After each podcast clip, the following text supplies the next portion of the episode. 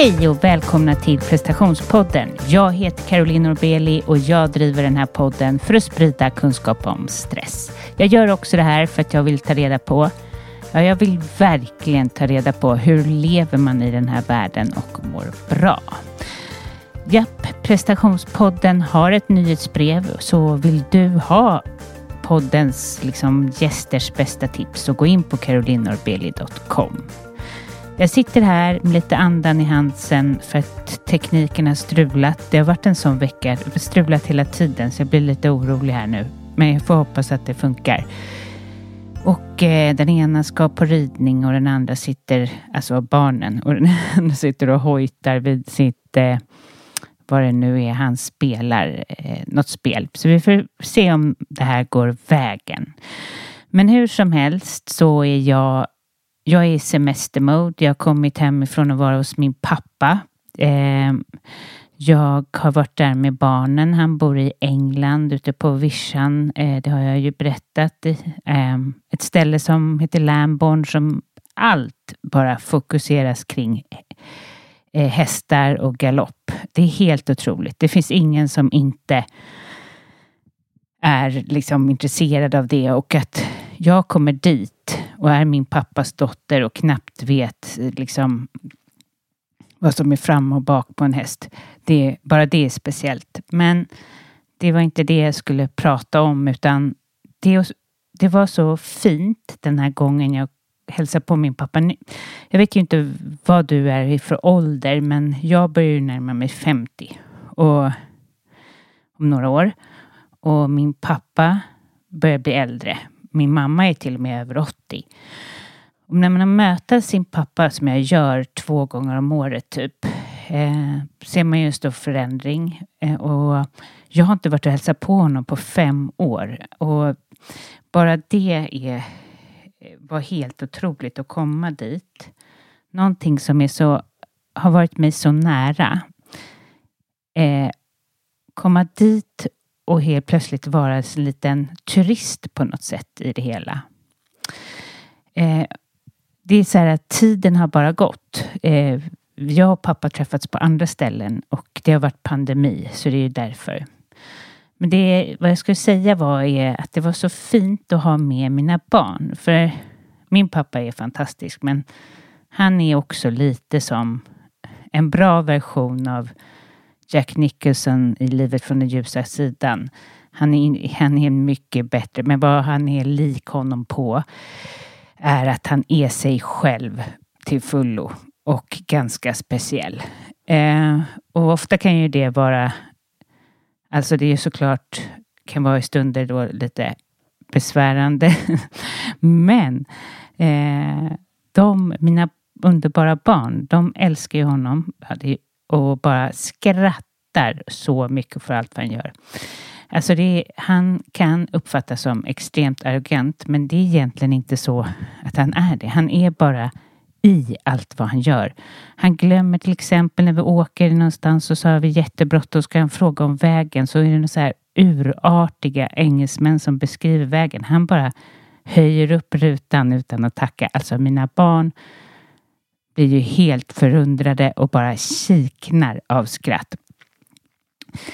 Och de får ju verkligen en, några dagar få syn på hur man inte ska bete sig. Sen har han ju också fantastiska varma sidor och är ju en populär, kärleksfull. Trots att han är så här så verkar hela byn älska honom. Men han går runt där i sin egen värld och eh, det jag ville säga var att jag, att jag känner att det är så fint att barnen läker liksom det som kan vara jobbigt för en själv. För de har inte samma trauman och de är helt fria i hur de uppfattar situationen. Och jag tänker att egentligen borde vi ju alla bo närmre varandra. Alltså, alltså jag kan inte förstå hur jag ska kunna bo vi skulle kunna dela hus. Men det vore ju någonting. Att barnen också behöver den här äldre generationen. Och eh, det blir så läkande eh, och förlåtande och fint. Ja. Så jag har verkligen kunnat, eh, jag har haft världens bästa helg och jag känner så här, nej, jag vill inte börja jobba. Så känner jag. det är så vackert där, man bara vandrar på kullar och det bara springer hästar överallt i galopp. Och hund, hunden är lika mycket välkommen som en människa på pubbarna. Och, ja, det är en fantasivärld och den fantasivärlden ville jag typ stanna i känner jag. Ready to pop the question? The jewelers at BlueNile.com have got sparkle down to a science with beautiful lab-grown diamonds worthy of your most brilliant moments. Their lab grown diamonds are independently graded and guaranteed identical to natural diamonds, and they're ready to ship to your door. Go to Bluenile.com and use promo code LISTEN to get $50 off your purchase of $500 or more. That's code LISTEN at Bluenile.com for $50 off. Bluenile.com code LISTEN. Hey, it's Danny Pellegrino from Everything Iconic. Ready to upgrade your style game without blowing your budget? Check out Quince. They've got all the good stuff shirts and polos, activewear, and fine leather goods, all at 50 to 80% less than other high end brands. And the best part? They're all about safe, ethical, and responsible manufacturing. Get that luxury vibe without the luxury price tag. Hit up quince.com slash upgrade for free shipping and 365 day returns on your next order. That's quince.com slash upgrade.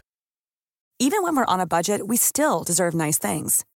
Quince is a place to scoop up stunning high-end goods for 50 to 80% less than similar brands.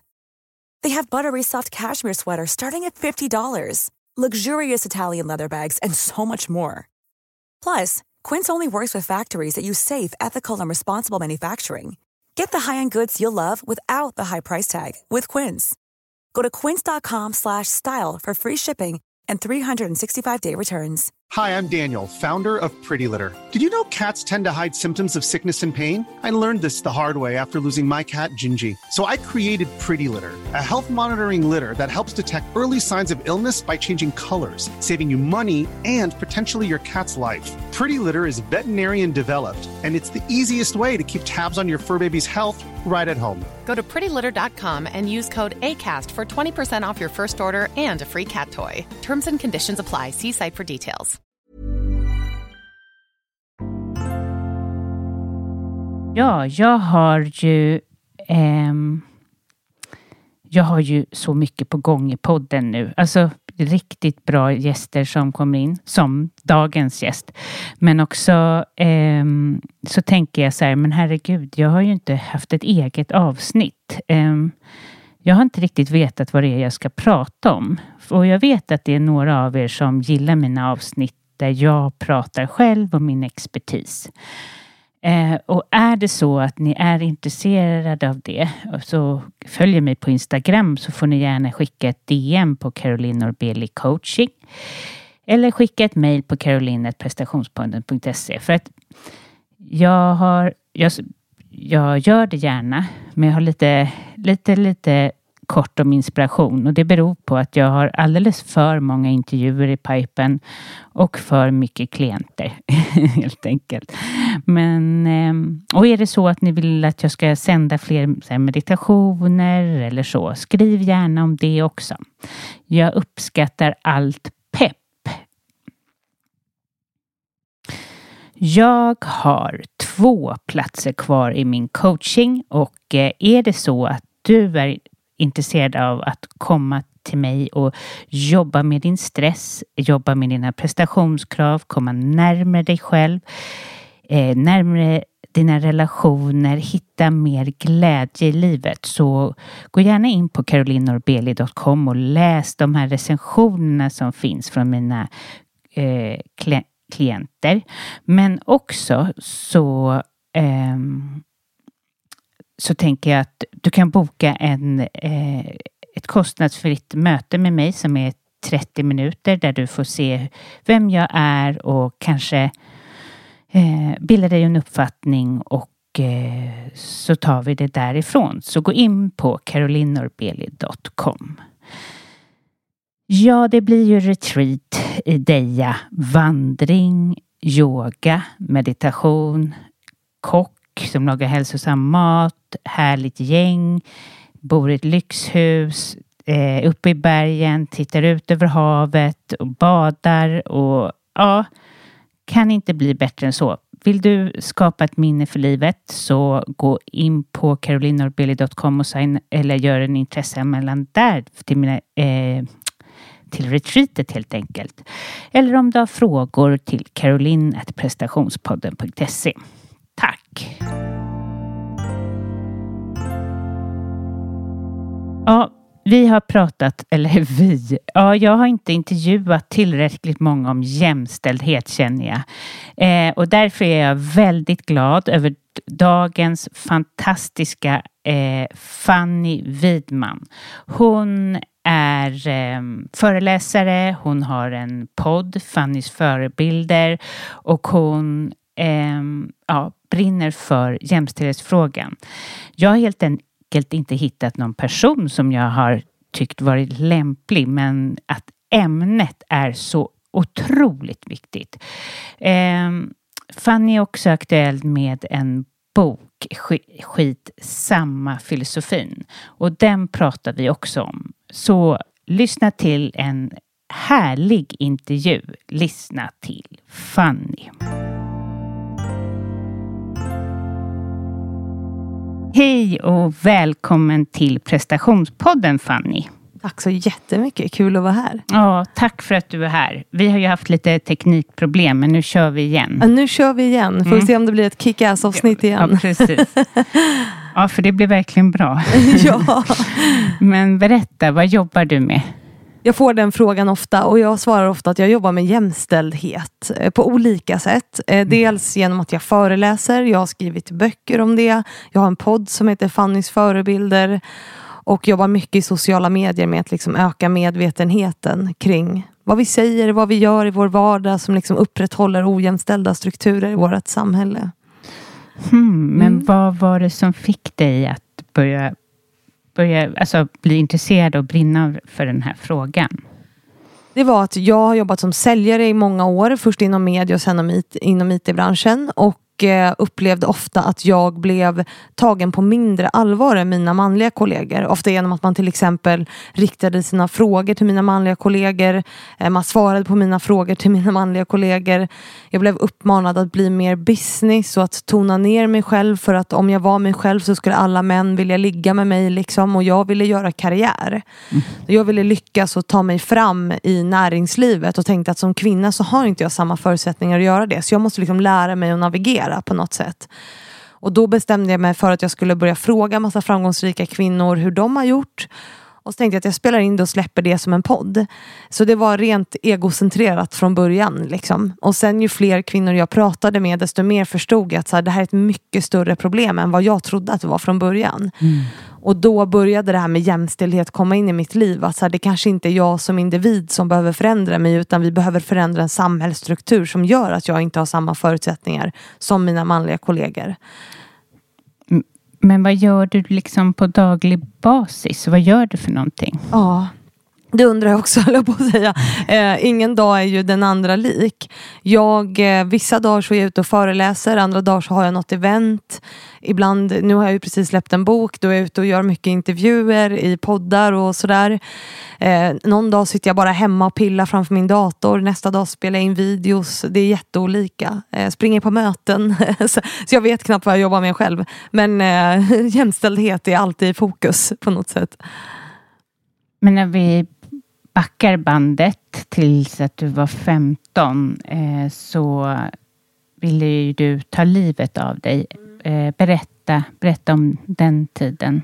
När, när, jag var 15 så var min värld väldigt mörk. Eh, jag försökte hoppa från en brandtrappa men blev som tur var stoppad av en lärare som såg mig. Eh, för jag stannade kvar i skolan efter att liksom alla hade gått hem och tänkte att nu ska jag liksom ta livet av mig. Jag hade ätstörningar jag skar mig själv överallt och då var ju allting otroligt, otroligt mörkt. Liksom. Eh, men det där tog jag mig ur när jag var på eh, på gymnasiet så började jag liksom så här, istället utveckla ett annat eh, självskadebeteende. Så jag ersatte mina ätstörningar och det här med att jag skar mig själv med att jag började söka bekräftelse från andra. Så jag försökte alltid att vara duktig. Bra i skolan, eh, sen bra på alla mina jobb, bra med alla mina pojkvänner. Alltså det var liksom så här, jag jag skulle leva upp till allt det här som samhället tyckte att jag skulle vara och bli bekräftad utifrån då det. För då tänkte jag så här, Alltså i efterhand, jag tänkte ju inte det medvetet men, jag, men det som var grejen var ju att jag tänkte att jag kommer tycka om mig själv den dagen som jag uppnår det här. Eller som jag uppnår det här. Eller när jag är så här duktig, då kommer jag tycka om mig själv. Men det kostar ju också på. För det gör ju att man alltid tänjer på sina gränser. Man lever liksom utan värderingar. Och jag tänker att när jag liksom tog mig ur mina, liksom, det här uppenbara mörkret som jag befann mig i när jag var ung. Då tror jag att man, människor i min omgivning och också jag själv trodde att så här, jag mådde bra. Därför att jag har alltid varit en högpresterande individ som gör, som gör bra ifrån mig. Liksom. Men när jag ser tillbaks på den perioden och den vuxna perioden av mitt liv så har jag ju inte mått bra men jag har inte tänkt på det själv. För att jag har liksom aldrig levt utifrån vad jag själv tycker är viktigt eller vad jag själv vill göra utan jag har bara alltid gjort det här som förväntas av mig på något sätt. Vad var det som gjorde att du mådde så dåligt när du var 15?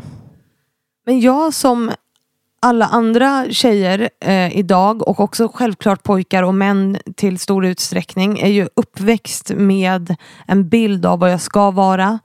Eh, tjejer ska alltid vara väldigt smala, snygga, omtänksamma. Eh, med sociala medier blir det här hur mycket värre som helst för vi matas ju konstant med budskap om hur vi kan bli lite bättre. Alltså så här, självhjälpsbrus generellt är ju så här, ställ dig i spegeln och säg att du är snygg. Eller så här blir du mer framgångsrik. Så här har du bättre sex. Så här får du bättre relation. Alltså vi påminns ju ständigt om vad vi inte är och vad vi kan bli. Och, och, den jakten lever vi ju alla med på olika sätt. Sen har alla olika sätt att hantera det på. Men vi lever i en värld generellt som gör det väldigt lätt att hata sig själv. Att liksom inte vara nöjd med den personen som man är. Och det formade mig väldigt, väldigt mycket. Eh, när jag var ung och sen också genom hela mitt liv obviously. Allt jag har gjort liksom. Mm. Och ja, eh, men om man ser till där du är idag. Eh, hur känner du, alltså om du ser tillbaka på den här tiden när du var liten. Vad skulle du ha behövt mer då? Jag hade nog eh, velat ha mer kunskap om så här, vad jag växer upp i för värld. Alltså, och vad den förväntar sig av mig. Och också vetskapen om att världen förväntar sig en jäkla saker av mig som jag inte kan leva upp till. Alltså vi, om vi ständigt påminns om hur vi kan bli bättre, vi ständigt matas med bilder om de här perfekta, lyckliga människorna som bara är rika och är snygga och sådär. Eh, de, vi måste också förstå att det är så omöjligt att uppnå det där. Det, alltså det, vi matas ju med det jämt. Alltså vi lever i ett system som är riggat för att vi ska misslyckas från början. Och hade jag vetat det så tidigare, liksom, då hade jag ju kunnat skita i allt det där och kanske lägga energi på helt andra saker. Jag hade besparat mig själv så mycket ångest genom att veta om det och liksom göra det som är viktigt för mig istället för att alltid sträva efter att göra det som alla andra vill att jag ska göra på något sätt. Så jag önskar att jag hade vetat om det tidigare. Men hade, vad fick du för någon hjälp? När jag var liten? Mm. Alltså jag fick ju hjälp, så jag gick ju på BUP och hos skolkuratorn och sådär men hittade väl aldrig riktigt någon som jag kände så här, att jag kunde fick förtroende för. Jag jag, när jag ser tillbaka på det så tycker jag att liksom samhället kanske svek mig lite. Jag hittade ju lärare i skolan som hjälpte mig väldigt mycket. Som jag kunde ha som förebilder, som jag kunde ty mig till, som jag kunde liksom eh, ja, men få guidning ifrån. Så det var väl främst de som, som hjälpte mig liksom, i den tiden av mitt liv. Mm. Eh, lärare. En mm. på högstadiet och en i gymnasiet som liksom fanns där för mig. Det är ju så otroligt vanligt nu med ätstörningar. Eller ja, ja, det bara dyker upp hos alla kunder jag har. Eller inte alla, men många hos grannar. Alltså det är, eh, Ja, och det är ju liksom, det är ju ett samhällsproblem och jag känner nog väldigt få kvinnor framförallt som liksom inte har någon form av komplex över sin kropp som inte tänker på vad man stoppar i sig för att inte bli tjock. Mm. Och, och, det är ju också ett så här, Alltså systemet vi lever i, vi sätter ju alltid människor i fack. Alltså du är tjock eller så är du smal. Och så här, är du tjock då har det blivit en förolämpning. Att vara tjock är ju på många sätt en förolämpning fast det borde vara ett ord som vi säger det har ju jag en kompis som hon är tjock, liksom. hon är överviktig. Men hon äter bra, hon lever hälsosamt, så här, hon mår bra. Det är inget fel så på henne. Eller hon har ju löp, lipödem heter det, men liksom, hon är tjock. Hon har en annan kroppsform. Och när, jag, när vi har pratat om våra kroppar, så här, hur vi förhåller oss till det, så har ju vi sagt så här, men nu säger vi att du är tjock. Men då måste jag också alltid tillägga, men du är också en av de vackraste människorna som jag känner. Och helt omedvetet, för att tjock är en förolämpning. För vi sätter ju alltid människor i fack. Mm. Och i våran värld så har ju tjock blivit någonting fult. Det är lika likställt med att vara ful på något sätt. Ja, det är helt befängt. Alltså, det är inte konstigt att vi får ätstörningar. Alltså, ja. så. Det är ju det är inte märkligt. Nej, nej, det är inte det. Eh, tillbaka till något annat. När du föreläser, mm.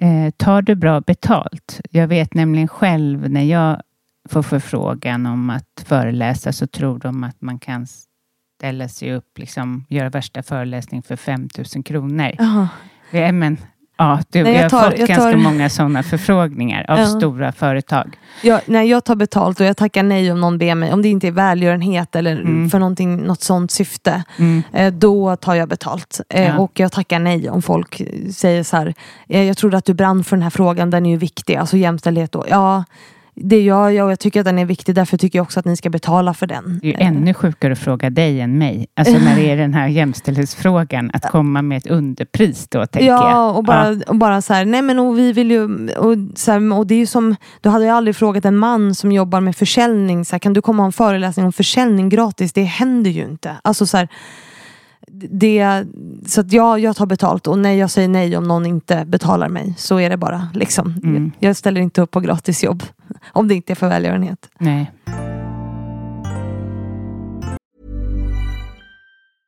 Ready to pop the question? The jewelers at BlueNile.com have got sparkle down to a science with beautiful lab-grown diamonds worthy of your most brilliant moments. Their lab grown diamonds are independently graded and guaranteed identical to natural diamonds, and they're ready to ship to your door. Go to Bluenile.com and use promo code LISTEN to get $50 off your purchase of $500 or more. That's code LISTEN at Bluenile.com for $50 off. Bluenile.com code LISTEN. Hi, I'm Daniel, founder of Pretty Litter. Did you know cats tend to hide symptoms of sickness and pain? I learned this the hard way after losing my cat, Gingy. So I created Pretty Litter, a health monitoring litter that helps detect early signs of illness by changing colors, saving you money and potentially your cat's life. Pretty Litter is veterinarian developed, and it's the easiest way to keep tabs on your fur baby's health right at home. Go to prettylitter.com and use code ACAST for 20% off your first order and a free cat toy. Terms and conditions apply. See site for details. Cool fact a crocodile can't stick out its tongue. Also, you can get health insurance for a month or just under a year in some states. United Healthcare short term insurance plans, underwritten by Golden Rule Insurance Company, offer flexible, budget friendly coverage for you. Learn more at uh1.com. När det gäller det här med, väl, eller med jämställdhet. Mm. Eh, vad tror du det gör med oss att det inte är det? Alltså det Ja, alltså det har ju jättemånga effekter på jättemånga olika plan. Så det är ju så svårt att, att, säga. Men det vi kan säga är ju att så jämställdhet skulle ju göra att vi mår bättre, att vi får bättre relationer, företag blir mer lönsamma, vi skulle ha mindre terror, mindre krig. Alltså jämställdhet har ju jättemånga positiva effekter ojämställdhet har ju, den yttersta effekten av ojämställdhet är ju mäns våld mot kvinnor. Alltså var, var tredje vecka så mördas en kvinna av en man som hon har eller har haft en relation med. Eh, kvinnor tjänar sämre.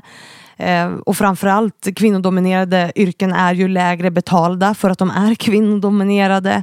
Eh, kvinnor är utbrända i högre utsträckning på grund av att vi liksom ska balansera karriär och familjeliv och projektleda allt i hemmet. Alltså så att ojämställdhet har ju jättemånga negativa effekter men också på på män. Alltså machokulturen gör ju att män eh, begår ut, alltså, självmord i mycket högre utsträckning än vad kvinnor gör. Våldsbrott är de överrepresenterade inom. Alltså, så ojämställdhet är ju, har ju effekter på jätte, jättemånga plan. Eh, så är det ju. Men vad har du själv upplevt i arbetslivet? Men alltså jag kände ju alltid att jag behövde bevisa mig. Alltså jag behövde alltid bevisa att jag var kompetent. Jag kände mig ständigt ifrågasatt i de rummen jag befann mig i. Jag blev uppmanad att så här, tona ner min personlighet. Du kan inte vara dig själv för då kommer ingen ta dig på allvar. Alla kommer vilja ligga med dig. Du är snygg så att du kommer att bli utsatt för sexuella trakasserier. Alltså det, det har liksom alltid varit så på något sätt. Ehm, så att det är väldigt mycket jag har blivit utsatt för. Alltså kunder som har skickat blommor, bjudit ut mig på dejt. Ehm, bara velat så luncha, fika, bara ha av min tid fast de inte egentligen liksom vill göra affärer utan de vill bara vara med mig. Och du vet, alltså det, är ju, det lever ju det här lilla hela tiden på något sätt. Jag har tjänat mycket sämre än mina manliga motsvarigheter. Alltså det är ju, har varit diskriminering på olika nivåer. Eh, det är inte, ja, det är inte klokt och Nej. det är bara så normalt. Alltså så här, ja, som livet ser ut. Att det ja. är så och att vi på något sätt går med på det. Mm. På, alltså man spelar med i spelet. Så. Ja men alla gör ju det. Alltså det är en del av normen, det är en del av strukturen. Det är liksom så det är. Mm. Och det är väl också därför som jag ville skriva min bok, liksom att så här, vi måste börja utmana de här normerna. Nu har jag i mitt, min bok ett genusperspektiv i ganska många saker, även om den liksom riktar sig till alla. Så använder jag ju det som referensram, men det kan man ju applicera på ganska mycket. Men att så här, ska vi förändra så måste ju vi alla individer börja bryta normen. Och det är ju inte bara män, utan det är ju alla som är en del av den här strukturen och normen och en del av att upprätthålla den mm. på väldigt många olika sätt. Eh, och det är ju för att, till stor del för att vi liksom, vi gör som vi förväntas göra så som vi har gjort i alla tider. Alltså det är väldigt få människor som vaknar på morgonen och vill vara praktarslen. Alltså så, här, det, så är det ju inte utan vi beter oss så som, som vi alltid har gjort på det sättet som har gynnat oss eh, i alla tider. Och det måste vi ju börja förändra. Eh, och uppifrån. Den med makt har ett jätteansvar att göra det. Eh, och hur ska han göra det? Eller han, han eller hen, alltså du ja, och jag. Alltså, du och jag har ju också en, en privilegierad situation. Jag menar, jag, jag har skrivit min bok utifrån min norm. Ja. Och, och, jag är ju en vit kvinna. Jag är vad samhället anser vara snygg. Liksom. Jag har ju jättemånga privilegier. Som jag, om jag bryter normer så kommer jag göra det lättare för någon som kanske har, är utrikesfödd. För en utrikesfödd kvinna har ju mycket sämre än vad jag har och har inte alls samma förutsättningar som jag har. Så att genom att tänka skitsamma och att jag kanske också bryter normer så kommer jag ju göra det lättare för nästa person att göra det också. Så att där har vi ju alla ett ansvar att liksom börja rucka på det här som liksom begränsar alla och som gör att vi alla till någon utsträckning aldrig blir riktigt uppfyllda för att vi sällan gör det som så här, är viktigt för oss på riktigt. När vi ständigt liksom lever utifrån det här systemet som jag försöker beskriva i min bok och försöker leva upp till samhällets krav så tror jag inte att man kan bli på riktigt uppfylld och så lycklig. Om man bara jagar det här ytliga jämt som, som vi gör. För att det är det vi lär oss att göra. Eh, som till exempel när man har barn. Att, att barnen ska gå på vissa, i, vissa idrott dotter och man ska göra ja. det ena med det andra. Och ja, du ska vara snygg och du ska ha rätt titel. Alltså, vi lever i ett samhälle som, där vi är allmänt kåta på titlar, liksom mm. pengar. Eh, alltså, det finns ju så mycket som liksom vad vi tillskriver social status. Mm. Eh, och, och, det är ju den, även om man kanske inte vill erkänna det för sig själv så jagar vi ju väldigt ofta just social status. Därför att människor med social status som står högt upp i hierarkin lever längre, eh, får bättre liv. Alltså det är ju så det funkar, så det är ju det vi jagar hela tiden. Eh, på något sätt. Och det, det formas ju av ja, men etnisk bakgrund, eh, inkomst, titel. Det är så mycket som spelar in i det. Liksom. Men det är ju det här ytliga. Mm. Ja, det tiden. är verkligen det. Och jag tänker att eh, det finns i det smyger in i allas liv. Eh, det här du pratar om att man ska brinna för något. Jag brinner ju för min podd eh, jättemycket och eh, liksom stresshantering och människor.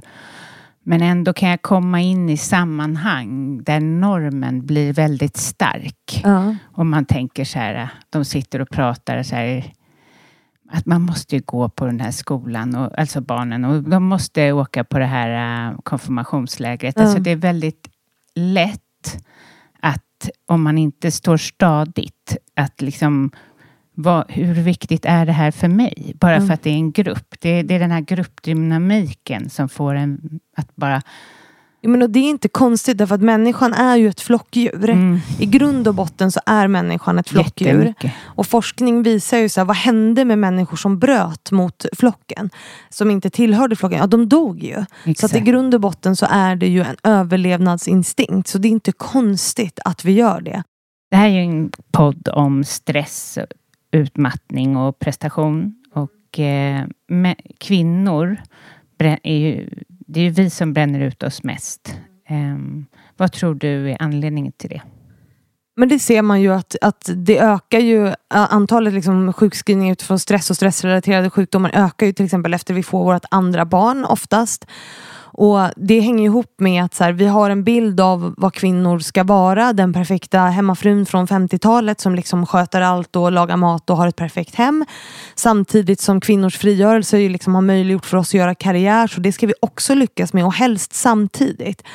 Och vi har ju Eh, liksom ett samhälle som, som gör att vi ska vi göra karriär, vi ska ta hand om hemmet och så har vi en ojämställdhet som gör att män tar inte hälften av ansvaret vilket gör att där står vi och ska liksom upprätthålla det här omöjliga familjen AB samtidigt som vi gör jobbet, alltså sköter våran karriär. Och vi försöker ju liksom fylla ett två liters mjölkpaket eller en liters mjölkpaket med två liter och det går ju inte. Alltså det är ett omöjligt uppdrag. Så att det är ju en jättebidragande faktor. Och sen så behöver ju kvinnor fortfarande idag vara mycket bättre. Vi behöver prestera mycket mer för att liksom bedömas på samma sätt som en man. Eh, vi måste vara lite bättre hela tiden, lite mer förberedda. Vi måste vara mer pålästa för att bli tagna på allvar. Vi måste prestera lite bättre resultat hela tiden. Eh, det är ju inte konstigt att vi blir perfektionister och att vi blir eh, utbrända, tänker jag. I den världen vi lever i. Jag är uppväxt med två män. Alltså, eller, alltså, nej, tre män. Alltså, jag är uppväxt med två bröder och Mm. en pappa. Mm. Jag också, även hos mamma, men mycket hos min pappa. Mm. Så jag har ju inte alls det där. Eh, Nej. Alltså, och det är ganska, för jag jobbar ju med mycket med kunder som har den här problematiken. Mm. Och det sitter så hårt, det här med att det ska vara perfekt hemma. Att det ska vara massa olika eh, måsten som känns väldigt nedärvda. Mm. Som inte har någonting med nuläget, för de kanske jobbar med så här jättetoppjobb och sen Mm. springer de även runt och eh, liksom gör det sista hela tiden med allting. Och, ja, det, det, det, mm, Och då tänker jag att man ska ställa sig frågan varför gör man det? Alltså är det viktigt mm, på riktigt? mm, Är det viktigt för mig att det är helt rent hemma? Är det viktigt för mig, alltså, och, och för vem är det? Är det för mig eller är det för att det ska se bra ut för andra? Jag tänker att vi ofta, oftare behöver stanna upp och ställa oss den frågan. Liksom. Varför gör jag det här? Och för vem? mm, verkligen. Eh, och ehm, när du kommunicerar med män, Mm. Ehm, är du dig själv eller ställer du om? Om det är en sån här, en man med mycket ego och stor, liksom, det är som att, jag vet inte, det känns som, ofta som att de osar någonting som man kan, behåller du det, ditt jag när du pratar med dem? Ja, det gör jag faktiskt idag. Alltså jag och den komplimangen säger jag, fick jag faktiskt för ett tag sedan av en person som sa att så du är alltid likadan. Mm. Jag är inte annorlunda i en situation där jag möter toppolitiker eller där jag liksom, utan jag är mig själv. Och det är väldigt skönt att känna så här att oavsett i vilket rum man möter mig så, så är jag samma person liksom, på något sätt. Sen trans- kanske jag drar grövre skämt med mina kompisar, alltså det är ju, men, men jag är mig själv, alltid. Mm. Mm.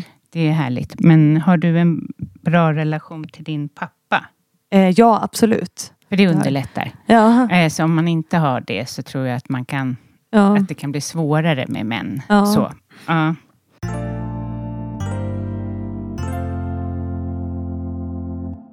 Du har ju skrivit en fantastisk bok, eh, Mm. Skitsamma filosofin, Ja. som jag gillar så mycket. Eh, Vad kul. berätta, varför skrev du den?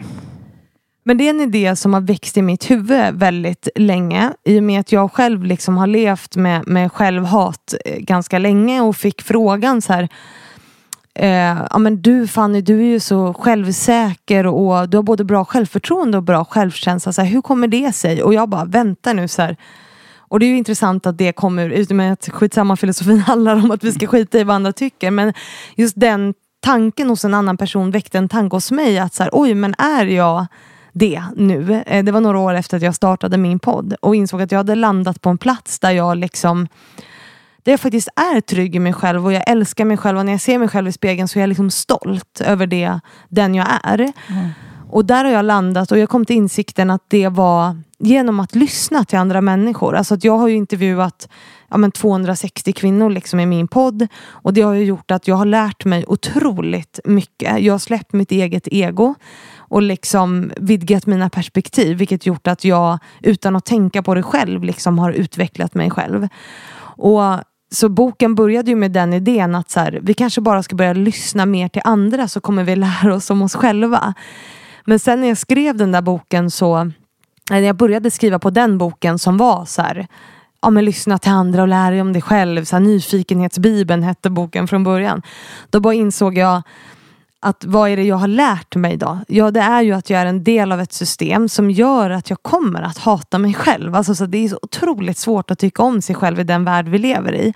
Och oavsett vad jag gör så kommer människor att döma mig, de kommer vilja sätta mig i ett fack. Så det spelar ingen roll vad jag gör. Så jag kan lika gärna skita i det och så kan jag bara göra min grej.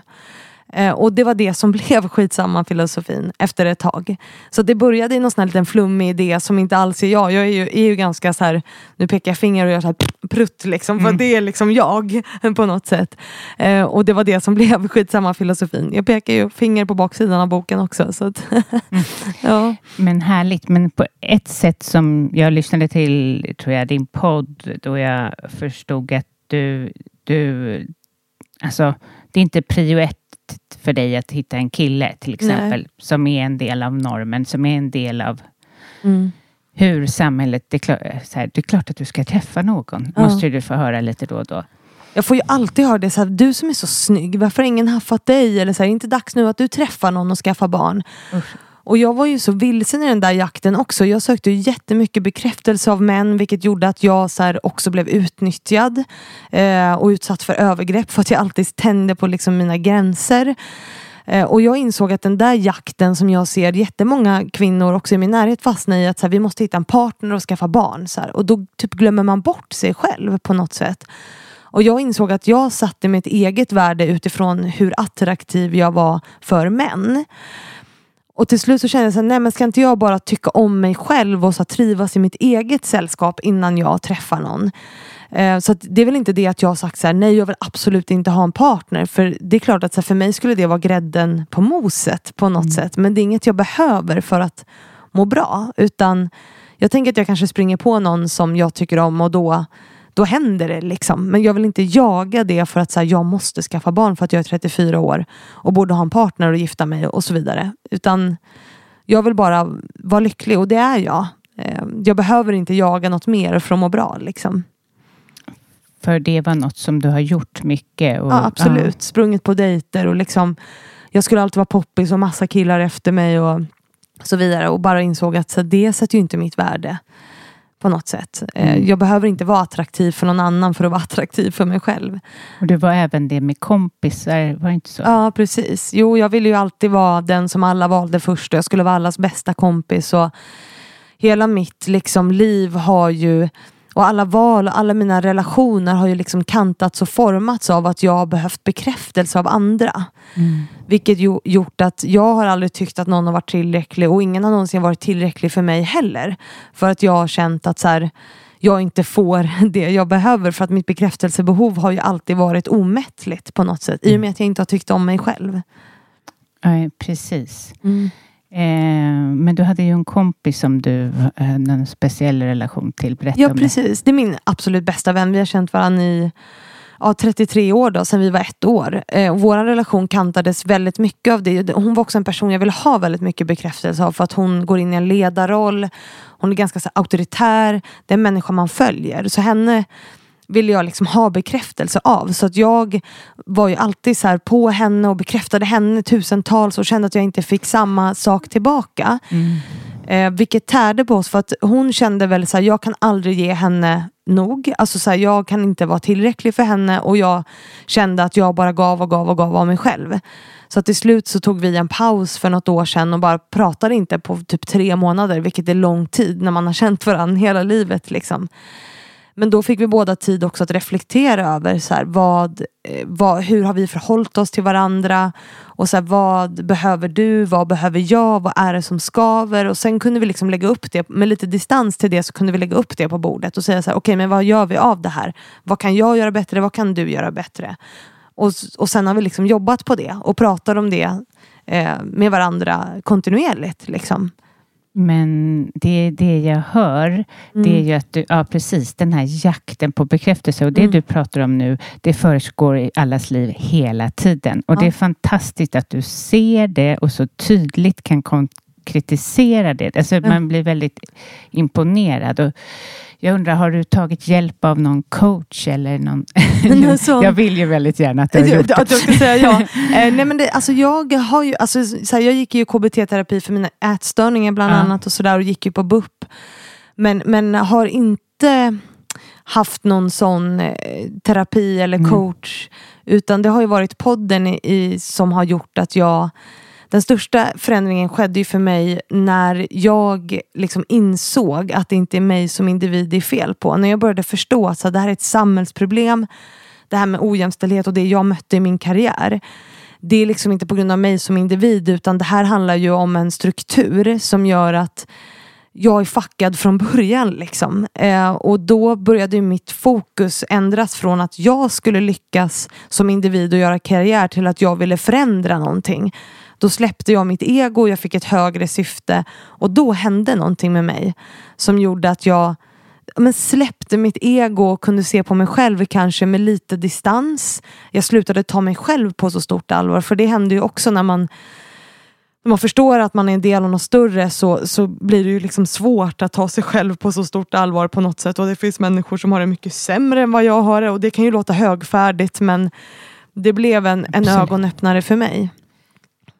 Ja, och jag känner igen det där, eh, min egen resa ja. jättemycket, hur jag, mitt ego har totalt försvunnit. För bakom micken så är man ju som den som frågar ingen. Nej. Vilket är ganska mm. befriande. Man ja. har ju inget, egot kan inte vara med när man intervjuar. Alltså Nej. så. Nej, man måste ju släppa det. Ja. Eh, och det händer ju något med oss när vi så aktivt lyssnar på andra. Det är ju det finns en bok som heter Active listening som jag ju skriver om i min bok som liksom beskriver så vad händer med oss när vi faktiskt lyssnar. När vi liksom inte lyssnar med våra egna preferenser utan vi bara sitter ner och bara okej, okay, det här är din och vill du utveckla? Alltså man liksom bara är mm. i stunden. Mm. Det är otroligt utvecklande både för dig som individ som lyssnar och för människor som känner sig lyssnade på. Det uppstår ju någonting fantastiskt i det. Mm. Eh, sen också det här med nyfikenhet som ju också är en, en viktig del av skitsamma-filosofin. Att vara nyfiken. För det utvecklar ju våra hjärnor, våra nervbanor vi, alltså för människan, som vi sa, det är ett flockdjur. Vi tar ofta den enkla vägen. Eh, våra fördomar, allting är ju liksom format av våra erfarenheter och det är lättare att göra som alla andra. Att göra det som vi alltid gjort. Att bara så leva efter de här värderingarna som vi har intalat oss, det är rätt det här är fel och så vidare. Men när man blir nyfiken och liksom börjar utveckla de här nervbanorna i sin egen hjärna, då kan man också börja här, se vad är viktigt för mig och sen leva utifrån det istället för vad alla andra eh, tycker och tänker på något sätt.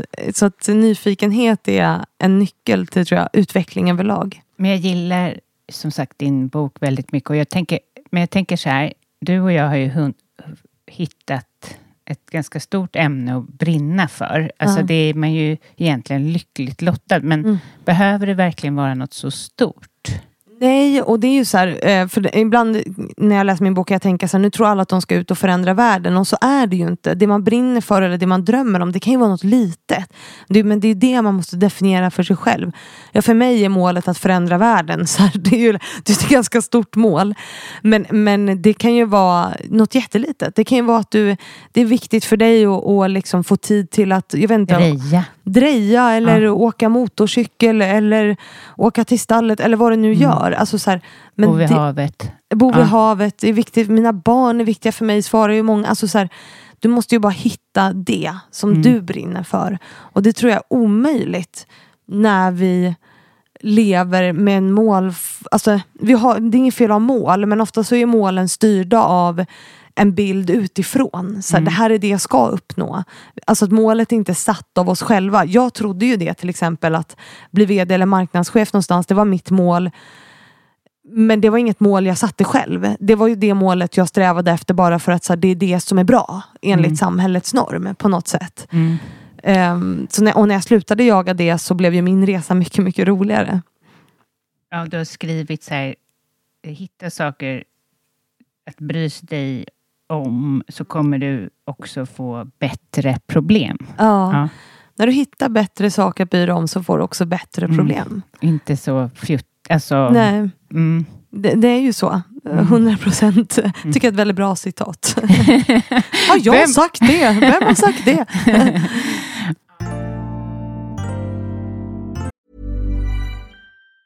Planning for your next trip? Elevate your travel style with Quince. Quince has all the jet setting essentials you'll want for your next getaway, like European linen, premium luggage options, buttery soft Italian leather bags, and so much more. And is all priced at 50 to 80% less than similar brands. Plus, Quince only works with factories that use safe and ethical manufacturing practices. Pack your bags with high-quality essentials you'll be wearing for vacations to come with Quince. Go to quince.com slash pack for free shipping and 365-day returns. Mom deserves the best, and there's no better place to shop for Mother's Day than Whole Foods Market. They're your destination for unbeatable savings, from premium gifts to show-stopping flowers and irresistible desserts. Start by saving 33% with Prime on all body care and candles. Then get a 15-stem bunch of tulips for just $9.99 each with Prime. Round out Mom's menu with festive rosé, irresistible berry chantilly cake, and more special treats. Come celebrate Mother's Day at Whole Foods Market. Even when we're on a budget, we still deserve nice things. Quince is a place to scoop up stunning high-end goods for 50 to 80% less than similar brands. They have buttery soft cashmere sweaters starting at $50, luxurious Italian leather bags, and so much more. Plus, Quince only works with factories that use safe, ethical, and responsible manufacturing. Get the high-end goods you'll love without the high price tag with Quince. Go to quince.com slash style for free shipping and 365-day returns. Om du skulle ha, säga nu då några tips för, till läsarna för, som liksom ska börja skita mindre i saker och stå upp för sig själva mer. Eh, vad skulle det vara? Jag skulle vilja säga att det första är att förstå att du är en del av ett system. Eh, det vill säga att det spelar ingen roll vad du gör. Så, för alla kommer ändå tycka något om det. Så du kan lika gärna skita i det. Eh, också förstå så här, vad är det som värderas. Och fundera över, är det viktigt för mig? För då kan du också ställa dig frågan, varför gör jag saker? Och för vem? Eh, och när du vet varför du gör saker varför du gör vissa val, då är det också lättare att motivera det. Och så här, stå fast i det och skita i vad folk tycker om det. Mm. Och eh, det tredje skulle vara att så här, lyssna mer och prata mindre. Odla din nyfikenhet. För att då vidgar du dina perspektiv. Du utvecklar dina nervbanor. Dina fördomar blir färre och färre. Du blir mer och mer medveten om dina fördomar och så vidare. Så att, eh, och att man liksom då även får lite distans till sig själv. Och liksom inte tar sig själv på så stort allvar. För att det är också lätt att så här, skylla allt på systemet och omvärlden. Men det kan vi inte göra heller. Utan vi kan förstå att vi är en del av ett system. Men sen kan vi aktivt välja hur vi förhåller oss till det. Alltså, vill du vara en del av det, fine. Vill du inte det, nej, men då måste du börja sätta dina gränser. Liksom. Och det är ju inte lätt, det måste man ju träna på. Men, men när jag ser systemet så kan jag välja hur förhåller jag mig till det. på något sätt. Jätte, jättebra. Ehm, och, och med folk blir sugna nu här på att- köpa din bok. Var Mm. hittar de den? Adlibris eller Bokus eller i alltså ute i bokaffärer finns den. Mm. Ehm, ja, där kan man köpa den. Och om de vill eh, följa dig eh, i dina kanaler, vad är, vad är det någonstans? Eh, på Instagram så är det Fannys fotobilder, eller man söker på Fanny Widman. Mm. Eller på LinkedIn så heter jag Fanny Widman. Mm. Det är jag.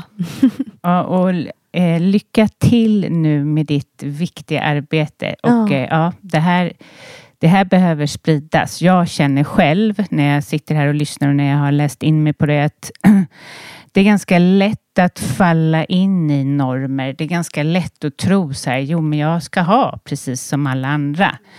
Eh, även om jag då med min kunskap som coach och så egentligen vet att så är det inte. Men när man sitter, man, som du säger, man är ju människa och faller in i det här. Så det här är en otroligt bra påminnelse. Ja, och inte klandra sig själv för att man gör det. Det är inte konstigt Nej, att man gör det. nej. Jag har själv varit där, jag trillar också dit ibland. Ja. Jag är inte perfekt. Alltså så här, Nej, jag menar, jag Mm. behöver också alltid träna på att tänka skitsamma. Det är inte så Mm. att jag i varje sekund inte bryr mig om... Jag bryr mig också om vad folk tycker om mig. Så att, men jag har hittat strategier för när jag hamnar där, att liksom inte göra det så här, på något sätt.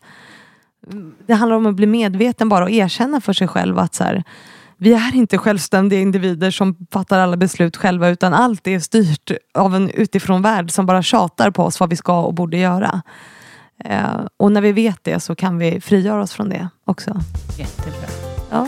Tack snälla, tack för att du kom hit. Ah, tack för att jag fick komma. Tack till dig som lyssnar. Om du gillar podden och vill att jag ska fortsätta så gå in och sprid podden höll jag på att säga. Gå in och lämna en recension där du lyssnar ifrån och skriv vad du tycker om podden. Eller prata med dina vänner och prat, skicka ut på Instagram eller hur du nu sprider det du gillar. Men det jag framförallt hoppas är att du har en jättebra vecka. Tack så mycket. Hej hej!